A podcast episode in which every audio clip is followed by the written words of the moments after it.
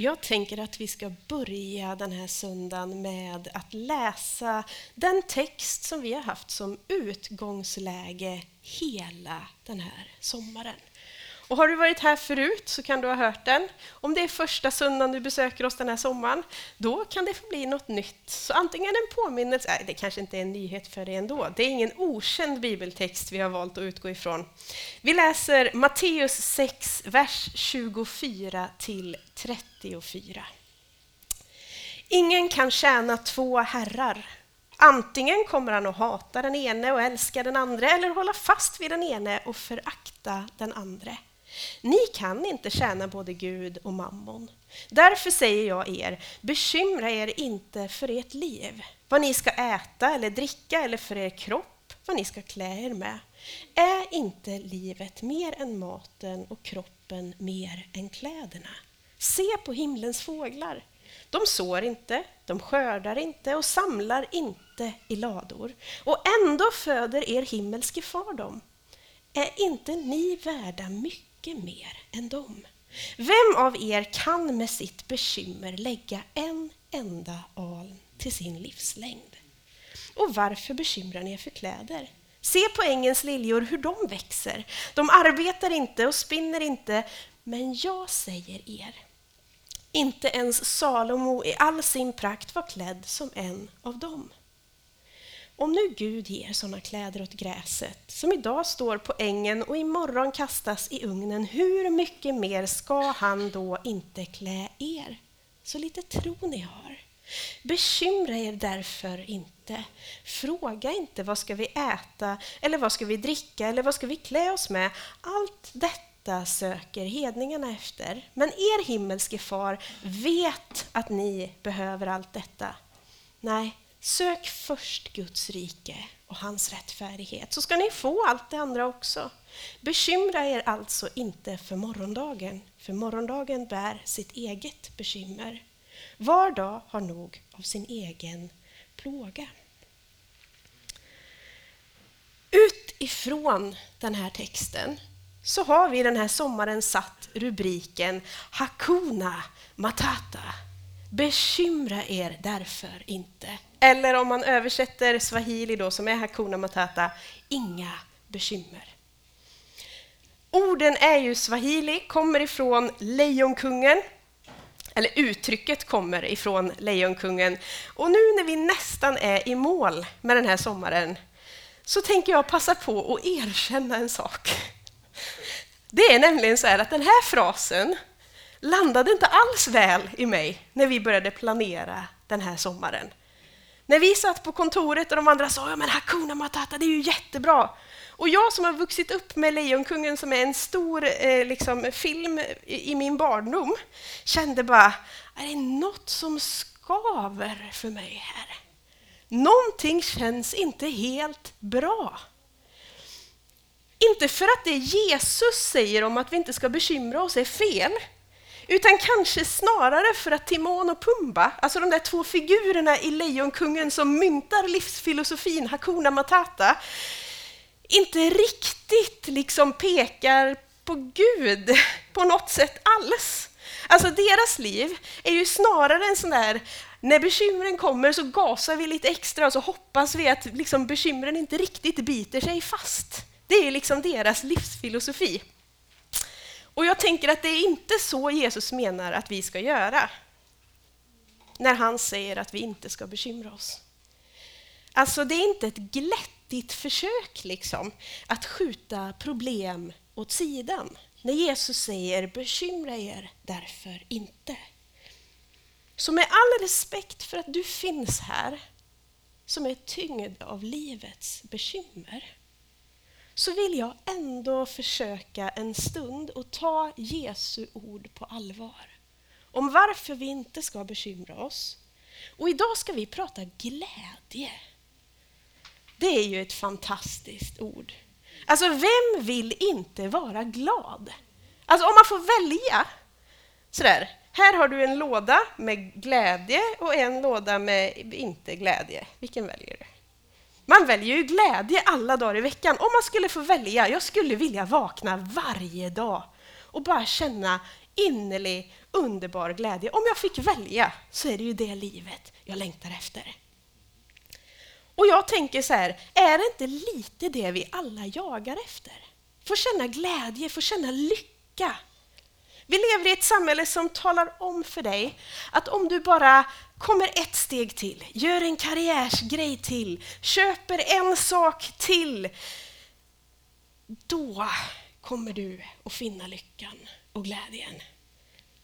Vi jagar alla möjliga typer av prylar och status och grejer för att fylla någon sorts tomrum som vi har på insidan. Och grejen är den att när man tar det där steget, när man får den där grejen, så kan man känna en viss typ av glädje, men det är som att vi ständigt vill ha mer. Vi blir aldrig nöjda. Den där jakten på lyckan blir liksom någonting som lite grann äter upp allting. Dagens reklam funkar ju så. Alltså den är ju skapad för att väcka ett behov i dig där du känner att du aldrig har nog. Att du alltid ska vilja köpa någonting mer. Jag tycker att sociala medier har samma effekt. Det känns som att sociala medier alltid bara väcker någon sorts behov av det perfekta ögonblicket eller det perfekta livet och så ska man fånga det på en bild och så ska man lägga upp det och sen så jämför man liksom sin egna så här, gråmulna vardag med alla andras liksom, filtrerade flöde och så tänker man att mitt liv behöver mer av allt det jag tror att alla andra har hela tiden. Och det är ju faktiskt så att vårt samhälle innehåller ett enormt liksom, informationsflöde. Vi har ju tillgång till allting hela tiden. Och det är som att vi ökar tempot konstant. Vi ökar tempot hela tiden. Och för dig som levt ett tag, så minns tiden innan allt började gå så där fasligt fort, så kan jag förstå att du ibland längtar tillbaka. Igår så satt jag i ett samtal med min dotter där hon sa men när kom den första smartphonen, mamma? Och så började vi prata om mobiltelefoner och om hur min pappas första mobiltelefon var en väska som man bar med sig med en telefon på. Och liksom hur eh, jag inte hade mobiltelefon förrän ganska liksom i tonåren, slutet. Och hur jag när jag var barn cyklade hem till mina kompisar och knackade på och hoppades att någon var hemma när vi skulle leka. Hon bara tittade på mig. Va? Är det sant? Ja, men... Och alltså, ibland tänker jag så här, ja, man skulle vilja skicka ut dem på cykeln och cykla iväg och knacka. Alltså, lite det där. Ibland längtar man ju tillbaka till någonting. För det känns som att det ibland går så fasligt fort i den tid vi lever i. Och Vi läste i Matteus hur Salomo i all sin prakt ändå inte hade kläder som gräset. Salomo var en man som verkade ha allt. Vishet, pengar, inflytande, allting. Och så skriver han, trots sin mänskliga framgång, i Predikarens andra kapitel, vers 1-11, så skriver Salomo så här. Jag sa till mitt hjärta, kom, jag låter dig pröva glädjen. Njut av det goda, men också det var förgängligt. Jag sa om skrattet, det är dårskap, och om glädjen vad tjänar den till. Jag tänkte i mitt hjärta att jag skulle liva upp min kropp med vin, medan hjärtat fick leda mig med vishet och få grepp om dårskapen tills jag såg vad som är bäst för människors barn att göra under himlen de dagar de lever. Jag tog mig an stora projekt. Jag byggde hus åt mig. Jag planterade vingårdar åt mig. Jag anlade trädgårdar och parker åt mig och planterade där alla slags fruktträd. Jag gjorde vattendammar åt mig för att vattna en växande skog av träd. Jag köpte slavar och slavinnor och fick tjänare som fötts i mitt hus. Dessutom hade jag mer boskap av oxar och får än någon före mig i Jerusalem. Jag samlade också silver och guld och skatter från kungar och länder. Jag skaffade mig sångare och sångerskor och det som är mannens lust, en kvinna, ja, kvinnor. Jag blev stor och överträffade alla som varit i Jerusalem före mig. Samtidigt behöll jag min vishet. Allt mina ögon begärde gav jag dem. Jag nekade inte mitt hjärta någon glädje, för mitt hjärta hade glädje av all min möda. Och det var lönen för all min möda. Men när jag såg på allt som mina händer hade gjort och på den möda jag lagt ner, då var allt förgängligt och ett jagande efter vind. Det finns inget att vinna under solen. Salomo som verkade ha allt. Han säger att hur mycket jag än jagade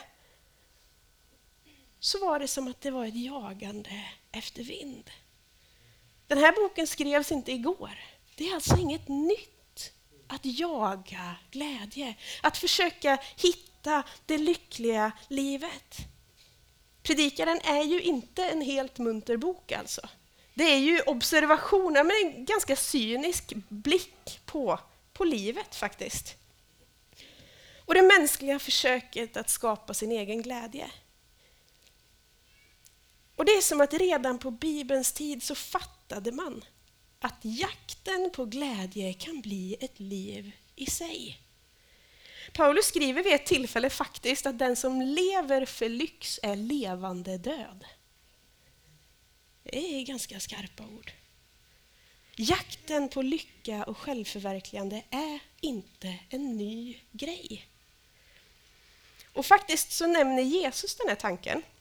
Han berättar en berättelse om sådd som sås ut i olika jord. Och lite beroende på vart det träffar så växer det olika bra. Och just den här tanken kommer i Lukas 8 och 14, som kommer på väggen här, där det står det som föll bland tistlar är de som hör ordet men som alltmer kvävs av livets bekymmer, rikedom och njutningar och aldrig bär mogen frukt.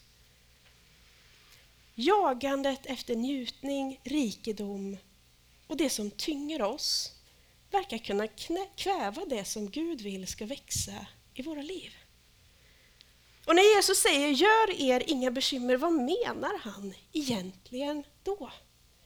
Alltså ska man göra som Timon och Pumba i Lejonkungen och bara sätta skygglapparna på och gasa lite extra och så hoppas man att man kommer ut på andra sidan och då är det lite lugnare liksom.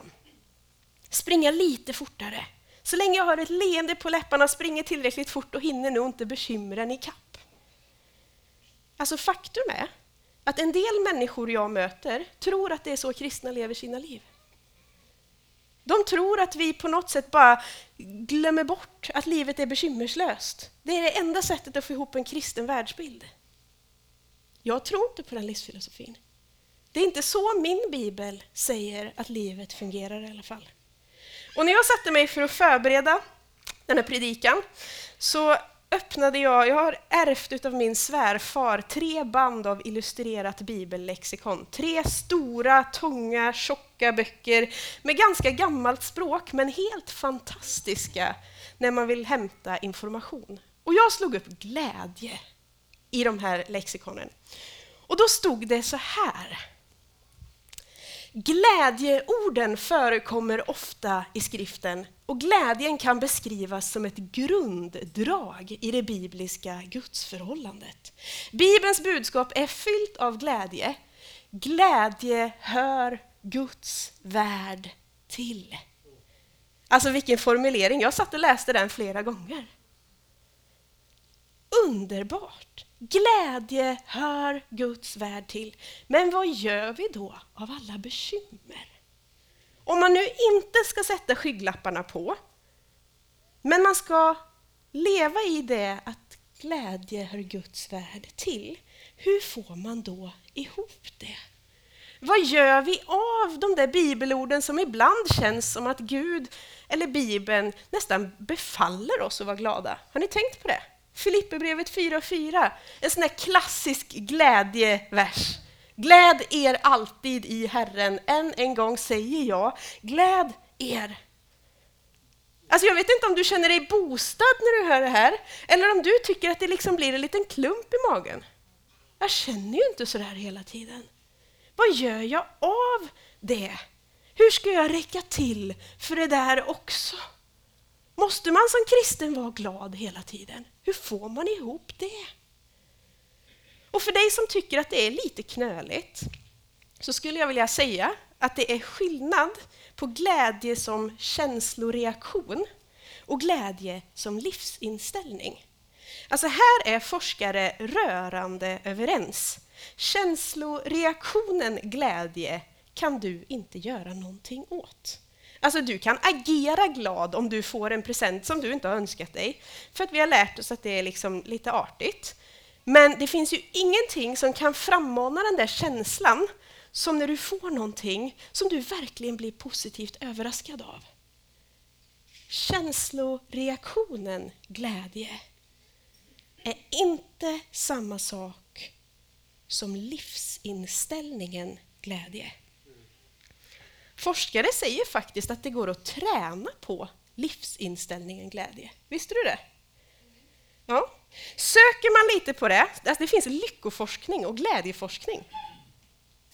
Och söker man på det så finns det gott om råd för hur man ska tänka, hur man ska jobba med sitt tankemönster för att leva ett gladare liv. Det förutsätter främst att du har någonting att fästa din glädje i.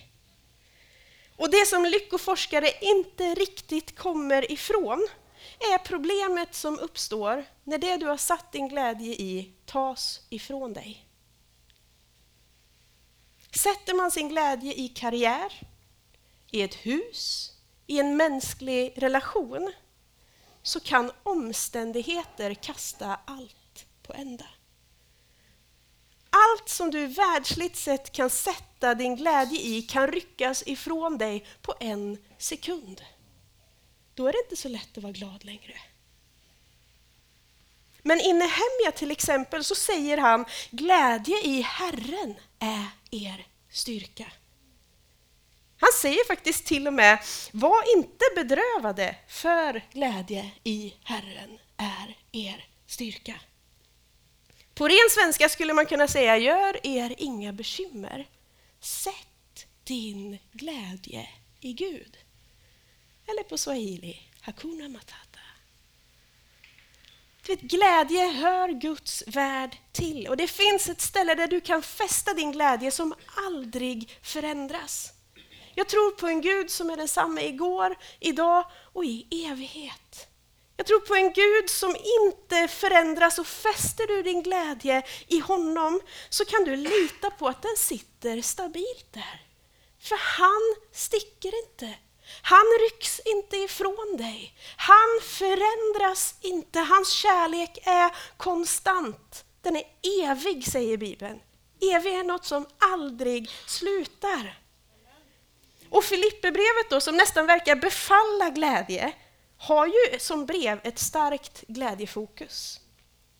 Men det är inte för att Gud befaller glädje eller för att han vill att du tvingar fram glädje, utan just för att författaren till Filipperbrevet, Paulus, har hittat den sanna källan till glädje. Som bryter igenom omständigheter. Glädje i Herren. Alltså vet du ens vart Paulus befinner sig när han skriver Filipperbrevet? Ja, i fängelse. Alltså fängelse idag är inte ett mysigt ställe. Fängelse på Paulus tid var rent ut sagt bedrövligt. Där ville man inte vara. Det var ingen som mådde bra av att sitta i fängelse på hans tid och ändå verkar han kunna säga att det går att vara glad. Alltså jag hade nästan velat läsa hela Filipperbrevet med dig idag. För att det är ett fantastiskt brev. Det börjar med en stark liksom, ton av tacksamhet. Det talar om livet i Kristus, om det stora i att Jesus klär av sig lite av sin gudomlighet när han blir människa, om hur vi lyser som stjärnor i världen när vi håller fast vid hans ord. Om perspektivskiftet som Paulus får göra när han möter Jesus. Du vet, i samhällets ögon så gjorde han världens nedköp. Han säger att allt det som var en vinst för mig räknar jag som förlust. Jag hade hittat någonting bättre. Folk fattar inte, men jag hade hittat någonting som var långt mera värt. Brevet talar vidare om rättfärdighet genom tro. Om att vara gripen av Kristus och medborgarskap i himlen. Alltså Filipperbrevet, wow! Bara fyra kapitel långt men så fantastiskt. Om du inte har läst det på ett tag, så läs det. Ta ett kapitel om dagen de kommande dagarna eller läs alltihop i eftermiddag. Alltså Filipperbrevet. Wow! Du ska få följa med mig till några verser från det fjärde kapitlet. Vi ska börja i vers 4 som vi började med att läsa för en liten stund sedan och så läser vi till 8 och så läser vi vers 12 och 13. Där står det så här. Gläd er alltid i Herren. Än en gång säger jag gläd er. Låt alla människor se hur vänliga ni är. Herren är nära. Bekymra er inte för något, utan låt Gud få veta alla era önskningar genom bön och åkallan med tacksägelse. Då ska Guds frid som övergår allt förstånd bevara era hjärtan och era tankar i Kristus Jesus. För övrigt, bröder, allt som är sant och värdigt, rätt och rent, allt som är värt att älska och uppskatta, allt som kallas dygd och förtjänar beröm, tänk på allt sånt. Jag kan leva enkelt, jag kan också leva i överflöd. Med allt och med alla förhållanden är jag förtrogen att vara mätt och att vara hungrig, att ha överflöd och att lida brist. Allt förmår jag i honom som ger mig kraft. Här är det som att Paulus, sittandes i fängelse, knyter ihop hela tanken med hur glädje och livets bekymmer ändå går ihop. Alltså svaret är glädje i Herren. Han säger bekymra dig inte. Gå till Gud med allt du oroar dig över, allt du behöver, allt du längtar efter, för han har omsorg om dig. Då kan du få ta emot Guds frid. En frid som är större än vad vi kan förstå. Han kan bevara och beskydda dina tankar i Kristus. Fäst din blick på honom. Välj att mata dig med honom. Välj att lyssna och låt dig fyllas av helig ande. Du vet, fäster du din glädje i Gud, då kan omständigheterna skifta. Livet kan förändras, men glädjen kan få bestå. Jag tror dessutom att det ryms mer än en känsla i kroppen samtidigt. Alltså jag tror att det går alldeles utmärkt att vara glad samtidigt som man är ledsen. Jag tänker att det ord som Josef läste här i början av eh, gudstjänsten är ett sånt typexempel. I Habakuk när han läste att jag vill jubla i Herren och glädja mig i min frälsningsgud. Om man bara tar versen innan så står det så här. Fikonträdet blomstrar inte mer och vinstocken ger ingen skörd och livträdets frukt slår fel och fälten ger ingen föda. Fåren rycks bort ur follorna och ingen boskap finns i stallen. Alltså hans liv var inte räkmacka. Jag tror han var ganska bedrövad. Och så säger han, men jag vill jubla i Herren och glädja mig i min frälsningsgud. Herren Gud är min styrka. Alltså, någonstans så är hela Bibeln full, Saltaren också som var ett sådant exempel, full av både misär, längtan, sorg, jobbigheter och glädje. Och jag tror att det går ihop. Jag tror att du både kan vara glad och ledsen samtidigt. Jag tror att du kan sörja något eller någon samtidigt som du kan vara innerligt glad. Ibland är det som att vi tror att det måste vara antingen eller. Och innan vi rundar av så skulle jag faktiskt vilja adressera en tanke till som jag tror att du kanske kan sitta med idag. Det är det där med att det kan låta så bra och det kan vara så enkelt när man sitter här och det låter som att det är så smidigt när det är någon som står och bara pratar om hur allt ska vara. Och sen när man kommer hem så är det inte så fruktansvärt enkelt. Det känns ju inte alltid så lätt när man ska gå hem och leva ut det där kristna livet. Hur vi än gör så är det ganska enkelt att hamna i tankevurpor när det kommer till tro. Förra veckan pratade vi om förlåtelse och nåd. Om tankevurpan som Naman gjorde när han försökte förtjäna Guds goda in i sitt liv. Och jag tänker att samma typ av tankevurpa kan vi göra när det kommer till glädje. För om jag inte känner mig så glad som jag tänker att man skulle vara, om jag inte lever upp till det glada livet som Bibeln pratar om, är jag misslyckad som kristen då? Alltså när vi i kyrkan målar bilden av det kristna livet så tror jag att du kanske finns här som målar in dig själv i ett hörn och så tänker du att du är fel. Du kanske till och med känner skam. Jag skulle vilja säga att skam hör inte hemma i Guds rike. Skam handlar om att känna sig fel. Skuld handlar om att man gör fel, att man känner att man har gjort någonting fel, inte att jag är fel. Skam handlar om att jag tror att jag är fel. Jag tror att du finns här som skulle behöva få höra idag, du är inte fel. Du kanske har gjort fel ibland, men du är inte fel. Skam är en lögn. Du är skapad av kungars kung, av herrars herre, med ett mål, med en plan, med ett syfte. Han ville dig. Du är inte fel. Vi misslyckas absolut. Det är naturligt att känna skuld ibland. Vi gör fel, Bibeln kallar det synd, men Bibeln säger också att det finns förlåtelse för det. Vet, rättvisa är att få det man förtjänar. Att bli benådad är att slippa undan från det man skulle ha fått. Men nåd, det är att få Guds goda även om man inte förtjänar det. Bibeln handlar inte om att du ska slippa undan, det handlar inte om att Gud ska se någonting mellan fingrarna. Det handlar om att Gud vill ge dig av sitt goda. Det handlar om att han har betalt priset för din synd. Hans kärlek är evig. Du är älskad. Han ville dig innan dina föräldrar ens visste att du var på väg. Och jag skulle vilja avrunda med två bibelord och en tanke som du kanske kan få ta med dig och tugga lite på i veckan som kommer. Jag skulle vilja påstå att glädje nämligen är en frukt. Vi ska läsa två bibelord, Romarbrevet 15 och 13 och Galaterbrevet 5 och 22. Må nu hoppets Gud fylla er med glädje med all glädje och frid i tron så att ni överflödar i hoppet genom den helige Andes kraft.